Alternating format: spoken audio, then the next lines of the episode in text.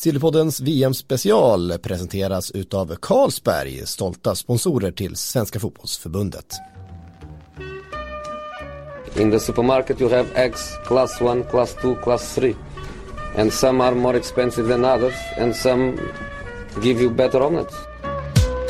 That's the wrong information. Wrong, wrong, wrong information. I didn't say that. That's the wrong information. Do you think I'm an idiot? Wrong, wrong, wrong information. Now look at me when I talk to you. Your job is to tell the truth. That's the wrong information. Wrong, wrong information. Då säger vi eh, bonjour, eller bonsoir snarare. Eh, förra gången eh, vi spelade in var vi på ett hotellrum i Rennes och nu sitter vi på ett hotellrum i Nice. Och när jag säger vi så menar jag mig, Frida Fagerlund och mina tre kollegor idag. Inte två. Eh, och det är alltså Anna Rydén, Petra Thorén och ingen mindre än Simon Bank som kom med här på tal. Väl- välkommen in här Simon. Tack så mycket. Jag, som Robert Lau brukar säga, jag halkade in på en bananmacka. Ja men det var lite så det gick till faktiskt. Eh, vi, eh, vi ska, vi är ganska trötta och sega eh, i huvudet just nu. Men vi tänkte att vi ska ta oss igenom det vi precis har, eh, eller precis har beskådat. Eh, och det är ju då Sveriges seger mot Thailand som eh, Caroline Seger hade lite svårt att eh, komma ihåg vad resultatet blev. Men så vitt jag vet så blev det 5-1 med fem olika målskyttar så som det brukar se ut när Sverige för en gång skulle göra många mål. Det är oftast ganska stor spridning på målskyttet. Eh, men det var alltså Linda Sembrant som inledde målskyttet och sen var det Asllani, Rolfö Hurtig och slutligen Elin Rubensson på straff. Och Petra Thorén. Vad var det för match vi såg egentligen? Ja, du säger ju där att vi är lite trötta. Jag tror att det, vi håller just nu samma tempo som matchen spelades i. Lite så här avslaget, dekadent, funkar här nere på den franska rivieran men eh, ja, det var ju svårt att bedöma det här laget för motståndet är så dåligt så vi vet inte riktigt eh, vad vi ska förvänta oss av Sverige i det här, vad man ska ställa för krav. Det var ett lågt tempo och eh, eh, det var inte så att det var ett eh, förlösande anfallsspel som vi efterlyste förra veckan utan fortfarande en del frågetecken som vi åker vidare med i den här turneringen. Ja, om vi ändå ska försöka hitta några glädjeämnen. Eh, om vi börjar där. Simon, finns det några sådana? Eller är det, är det omöjligt? Jag tycker att det är svårt. Alltså, Petra var inne på det, att motståndet färgar analysen oerhört, oerhört mycket. Sen så ser man saker som Peter Gerhardsson vill göra med spelet. Man ser att de försöker trycka upp ytterbackarna högre. Att de vill ha ett mer direkt anfallsspel. Eh, att de eh, trycker i att i början att Elin Rubensson ska komma in mera i andra vågslöpningen i straffområdet och sådär. Men man kan också konstatera att de får inte ut egentligen någonting av det. Vilket känns konstigt att säga efter fem, fem mål framåt. Men målen kommer inte som resultat av att Sverige var duktiga på att spela in i, i straffområdet på det sätt som USA var. Och USA promenerade in i straffområdet och gjorde mål på allt på, på en halvlek eh, mot, mot Thailand. Så nej, det finns inte. Och du var inne på det också, att det, det är spridning på målskyttet. Det hade varit skönt att kunna gå in i en match mot USA, men i ännu högre grad i åttondelsfinal, ett slutspel, att ha att veta om det, att vi har en målskytt att lita på. Vi har någon som, som kan trycka dit bollen och det, där är inte Sverige. Så att vi behöver inte måla fan på väggen. Vi kan konstatera att vi fick inte med oss några bonusar från den här matchen överhuvudtaget. Mm. Och dessutom så släpper vi ju faktiskt in ett mål. Eh, 21 ja, 21 Så precis. det var det enda spelarna de skulle se upp. Ja. Ja, och eh, det- det var de ju inte helt nöjda med. Eh, Anna Hedvig Lindahl var väldigt snabb ut i mixade zonen och hon kändes väl inte helt, eh, helt nöjd. Nej, hon ville ju absolut hållit nollan, men den som var mest irriterad i mixaden då, det var nog Linda Sembrand som ju gjorde det första målet, mittbacken, men som sa eh, rent ut att det var jävligt frustrerande att släppa in det där målet. Och, ja, nej, jag fick fråga så här eh, att ja, men kan man på något sätt glädjas åt att ett lag som Thailand får göra mål? Med tanke på deras glädjetårar och så här på bänken och hon tittar och bara Nej, det går faktiskt inte. Det var jävligt frustrerande att de fick göra det här målet för mig. Och, eh, hade de gjort det mot några andra så fine, men mot oss, det är klart jag inte kan glädja mig åt det. Nej, Seger var ju inne på, på samma spår också eh, och tyckte liksom att eh, det där unnar man inte eh, Thailand. Det är lätt för oss att, som utifrån att sitta och tycka att det är lite fint att de får göra ett mål. Men det säger, säger ju lite grann också om att liksom skärpan, den var inte påslagen. Nej, det kändes väldigt mycket så. Man kan säga att vissa- vissa spelare att de har, har en förståelse för vad som behöver göras. Jag tycker återigen att Caroline Seger förstår att spelar man den positionen så måste man kunna slå ut linjer. I alla fall ibland, vilja framåt med bollen och så vidare. Hon försöker. Jag tycker inte att hon är alls lika skarp som hon var mot, mot Chile när det kanske krävdes lite mer. Eh, och hon fick mindre tid på sig vilket gjorde att hon i princip var bättre också. Eh, annars så tycker jag att det är många som man, man fortfarande söker nästan ut från straffområdet. Och de här som då ska in i den Hurtig har ambitionen att, att utmana med bollen och ta den framåt. Och, men får inte hem någonting i princip. Ska man lyfta någonting så är det kanske snarare att men de får göra fina huvudmål. Fina nickmål. Eh, vilket väl... Eh, ja, det är en sak att göra det mot Thailand, en helt annan sak att göra det mot, mot USA som ju är så fruktansvärt starka i, i luften. Så att, eh, nej, vi såg vad de ville göra men vi såg också att de inte riktigt gjorde det. Mm. Eh, Petra, dagen innan match så visste du redan då att eh, Stina Blackstenius inte skulle spela. Var, eh, blev du förvånad av det? Ja, alltså jag visste ju, jag fick reda på att både Sofia Jakobsson och Stina då skulle bänkas från första matchen. Och Sofia var ganska givet tycker jag för att eh, hennes egenskaper är speeden och det, det lämpar sig bäst mot ett eh, lag som, där de ligger lite mer på omställningslägen och inte mot de här lågt försvarande lagen. Och det såg vi ju mot Chile också att eh, hon inte riktigt hanterade det. Så det var var ganska, kändes ganska väntat. Men, men att Stina skulle bänkas var inte väntat. Det blev jag förvånad över. Nu var det Anna Anvegård som kom in istället. Och det pågår ju en spännande debatt där. Stina, ja, du träffar henne efter Frida så kan berätta mer vad hon sa om det. Men just det här att man pratar om, ska vi få igång den här målskytten som man verkligen vill ha i det här mästerskapet? Och är det bra då att låta henne spela, är det bra att låta henne göra mål? Och så säger väl Peter Gerhardsson att ja, men det kanske kunde varit tvärtom. Tänk om hon spelat och inte gjort mål. Eh, eh, där vet vi ju inte riktigt vad vi har Stina och vad vi kanske har Peter i frågan heller riktigt. Det är ju ganska lätt eh, när man ställer, när man försöker få fram svar från spelare, exempelvis om någon inte har fått spela i en match, så märker man ganska snabbt om det här beslutet kom som en överraskning och hur pass besvikna de är på beslutet. Stina Blackstenius står ju i mixade zonen och är väldigt besviken på att hon inte har fått spela. Det är tydligt.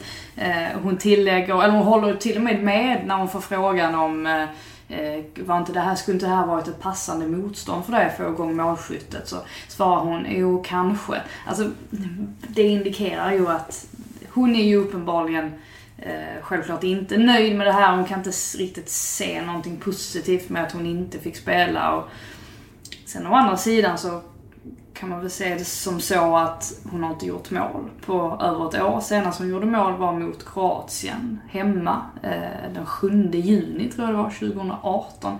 Det var ett tag sedan. Eh, och Anna Almegård imponerade väl inte jättemycket eller? Nej, jag är alltså, genuint besviken där faktiskt. Jag tycker att hon, när hon kommer in mot Chile, visar jättefina saker. Hon har, eh, man ska inte dra paralleller åt det hållet, men gör det ändå. Eh, lite där som John Guidetti kan ha när han är som bäst. Att man tydligt visar varje gång som hon löper. Hon löper konkret, hon löper tydligt, hon löper tidigt. Visar väldigt tydligt för sin medspelare att jag vill ha bollen, sätta den på den här ytan och så. Men eh, det såg hon mot Chile. Eh, fick inte ut jättemycket av det då. Eh, man ser samma saker idag men mot Thailand så måste du få ut mycket, mycket mer än vad Anna Anvegård får ut idag.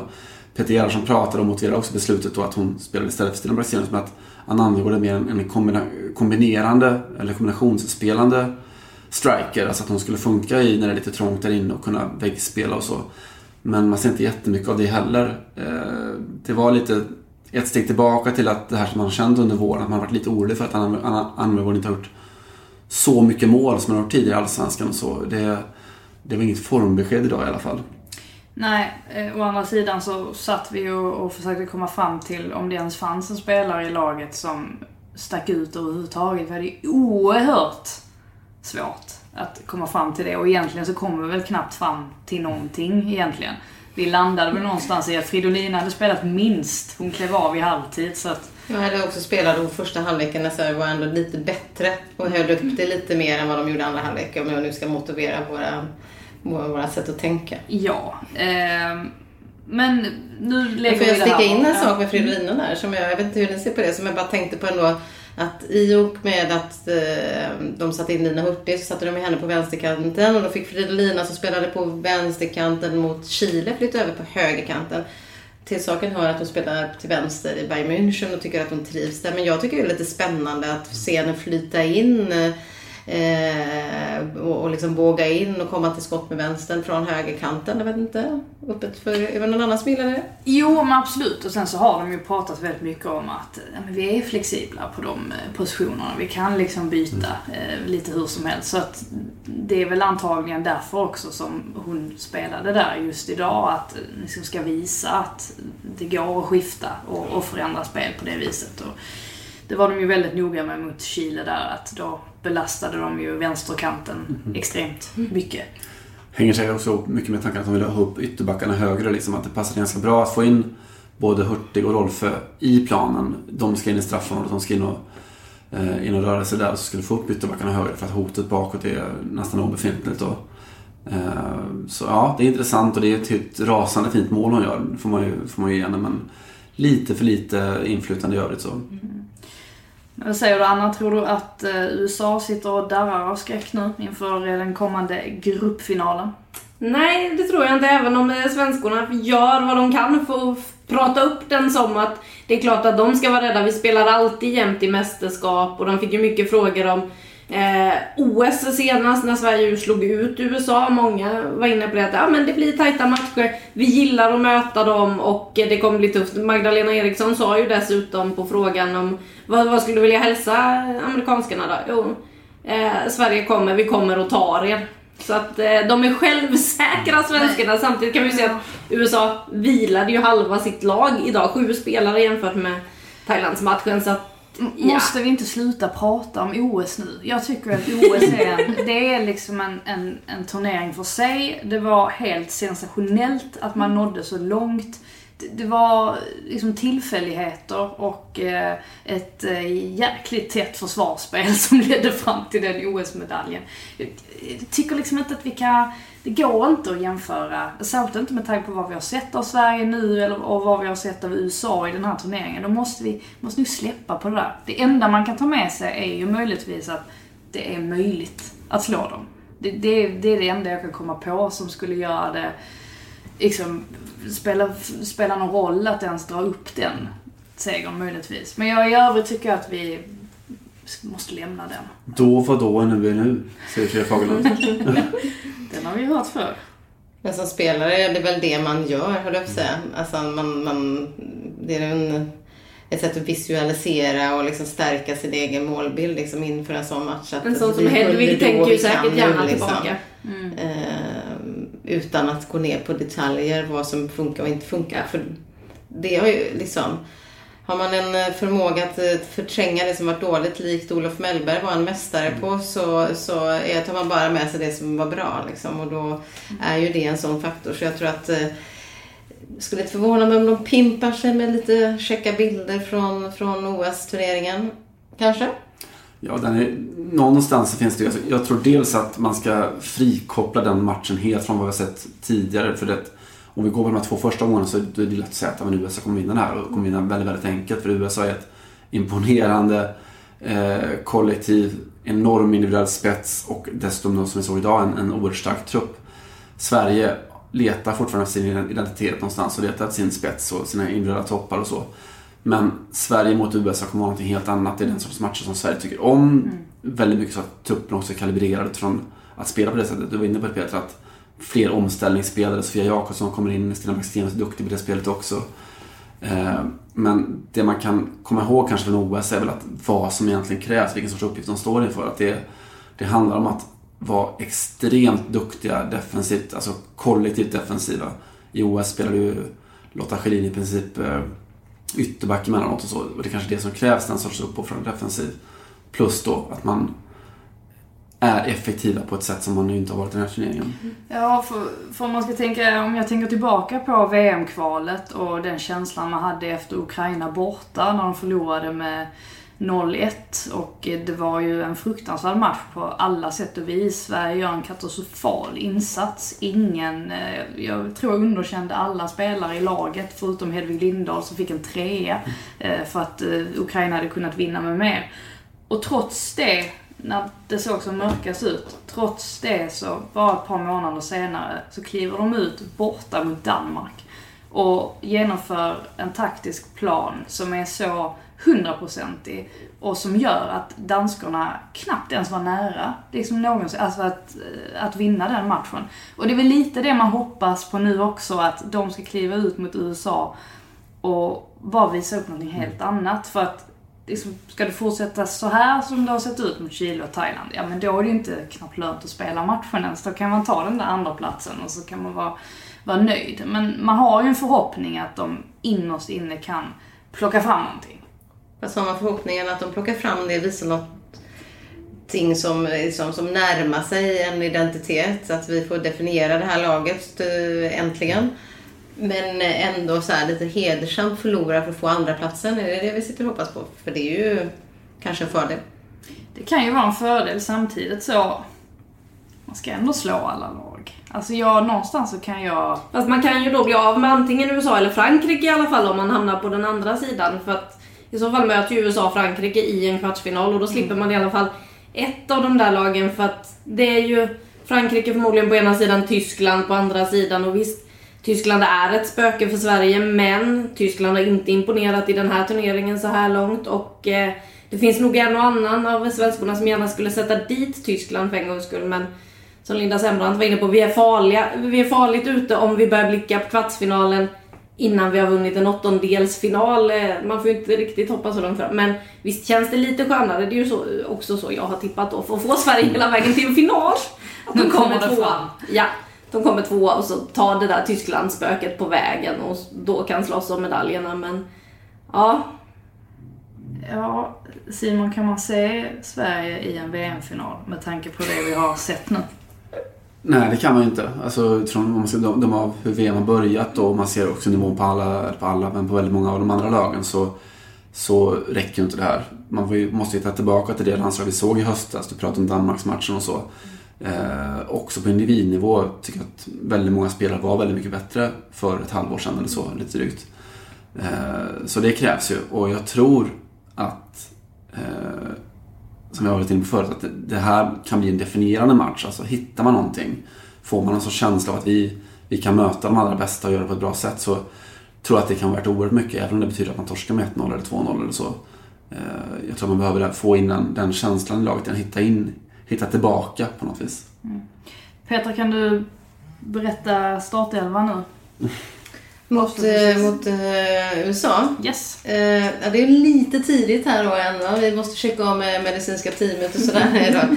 Eh, nej men det som är intressant är väl ändå att eh, på de här två matcherna så har det i och för sig varit ett lågt försvars... Eh, eller de har mött ett lågt försvarsspel men de har valt att hålla sig fast vid en fyrbackslinje.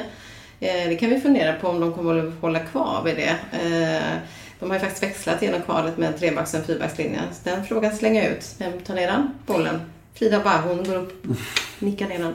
Ja, nej men problemet är ju att jag trodde mig se ett mönster i beroende utifrån vad han, eh, eller vad Sverige ställdes mot för typ av motstånd. Att man ändå kunde utläsa att ja, men mot lite starkare lag så kör han oftast en trebackslinje och sen så eh, kanske så tänker han lite annorlunda mot lite sämre motstånd. Men Sen så när de mötte Kanada i Algarve Cup, då var det fyrbackslinje. Så, vilket har gjort att hela min eh, tro, eller att jag har suttit och trott att jag har förstått och Peter Gerhardsson har tänkt. Alltså det har omkullkastats så många gånger. Så jag vet faktiskt inte hur han tänker alls eh, överhuvudtaget. Men det jag tycker om med trebackslinje, det är ju att dels att man kan trycka upp wingbacksen ännu mer, men också att man ju har en spelare i trebackslinjen som Magdalena Eriksson som ändå kommer hänga med upp och ändå kommer vara delaktig. Och vi såg ju också mot slutet mot Chile att då körde man ju faktiskt trebackslinje-ish med Caroline Seger där nere och så Magda då som tryckte upp. Så att Jag vet inte riktigt. Ehm, och när det kommer till anfalls anfallsbiten som ju kanske är det mest intressanta. För att mittfältet känns ju satt. Men anfallarna, vem ska spela där?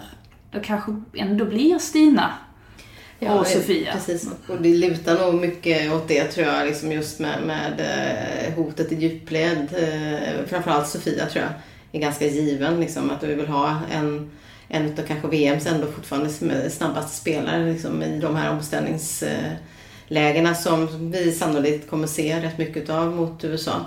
Eh, Det tror jag eh, absolut. Och kanske även Stina, för det kommer inte bli det form av spel som var nu. Så att, eh, eh därför trodde man faktiskt att Peter skulle ha pratat med Stina och kanske Sofia. Sofia vet vi inte, henne pratade vi inte med då, så vi vet inte riktigt eh, hur han har resonerat där. Men som tränare vill man ju också hålla folk på tå lite. Man vill ju inte ja, men säga för mycket så, eh, hur, hur man tror att det ska bli. För då har man inget utrymme att förändra heller om man ser på träningen att eh, nej, det här funkar inte. Så att, nej, jag gissar, jag, jag, jag gissar eh, men kommer återkomma med hur det blir förhoppningsvis. Men jag gissar att eh, Sofia, Stina och sen är det väl kanske ändå eh, Rolfö som, som kommer gå till på ena kanten då. Mm. Jag tror också det. Jag tror att det som man måste göra mot USA är att Peter Gerhardsson är i grunden en grundoffensiv fotbollstänkare. Som, att han måste ju välja bort offensiva alternativ.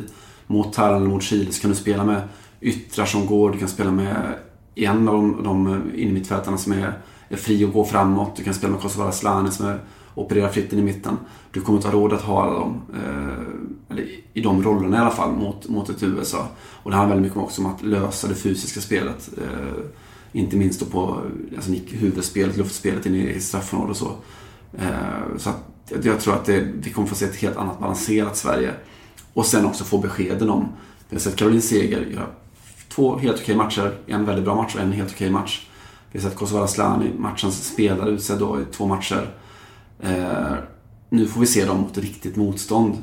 Caroline Seger har haft känslan de senaste åren att hon är inte lite lika bra som hon kanske var för några år sedan i, eh, när det verkligen blir trångt och tufft och, och hårt och så. Eh, Kosovare Asllani måste klara av att göra samma saker nu mot riktigt tufft motstånd. Eh, det här är egentligen första beskedet vi får eh, kring var de, var de står någonstans. Någon som vill tillägga någonting innan vi eh, packar ihop? Ja, men det- nu har jag, jag ställer ju frågor till er hela tiden, det är jättespännande. Men Elin Rubensson i det mittfältet, vad, vad, vet vi inte heller vad vi har. Och jag tänker bara det att den fysiska matchen, vinna mittfältsmatchen som är så viktig då. Men jag tror inte hon passar i det, alltså mot ett sånt typ av motstånd. Jag tycker ju att Elin är som bäst när det är ganska fysiskt. För hon är ju...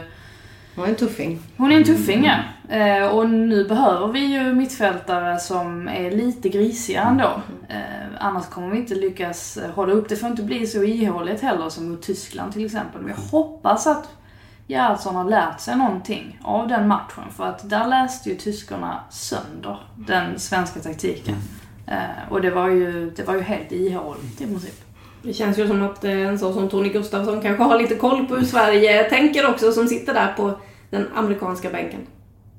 Ja, vi kan väl också sortera bort tanken på att USA gärna då skulle lägga sig i matchen för att få en lättare kvartsfinal någonting och så. Då, då vet man väldigt lite om amerikansk idrottskultur. Det skulle förvåna mig oerhört om ett amerikanskt lag med amerikanska huvuden på, på axlarna går ut och medvetet lägger sig i en fotbollsmatch eller i någon sorts idrottstävling överhuvudtaget. Det finns inte i deras kultur. Har oerhört svårt att säga att det skulle hända. Nej, och de kommer ju inte vara nöjda. Alltså når de till... De måste ju vinna mot alla lag i den här turneringen för de kommer ju inte vara nöjda med att åka ut i en semifinal eller förlora en final. De är ju här för att vinna. Så är det bara och då måste man ju slå alla lag. Så att det tror absolut inte jag heller att de kommer göra.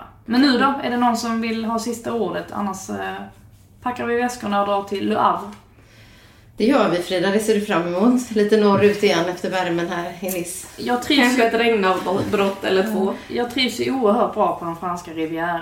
Men eh, nej, lite, lite regn och sådär. Det, Det- Det är ju Peter Gerhardssons väder. jag tänkte säga att det är aldrig helt fel, men det är det faktiskt i det här fallet. Men det blir kul ändå, får vi hoppas. Better omelets. That's the wrong information. Wrong, wrong, wrong information. I didn't say that. That's the wrong information. Do you think I'm an idiot? Wrong, wrong, wrong information. Now look at me. vunnit upp det. Your job is to tell the truth. That's the wrong information.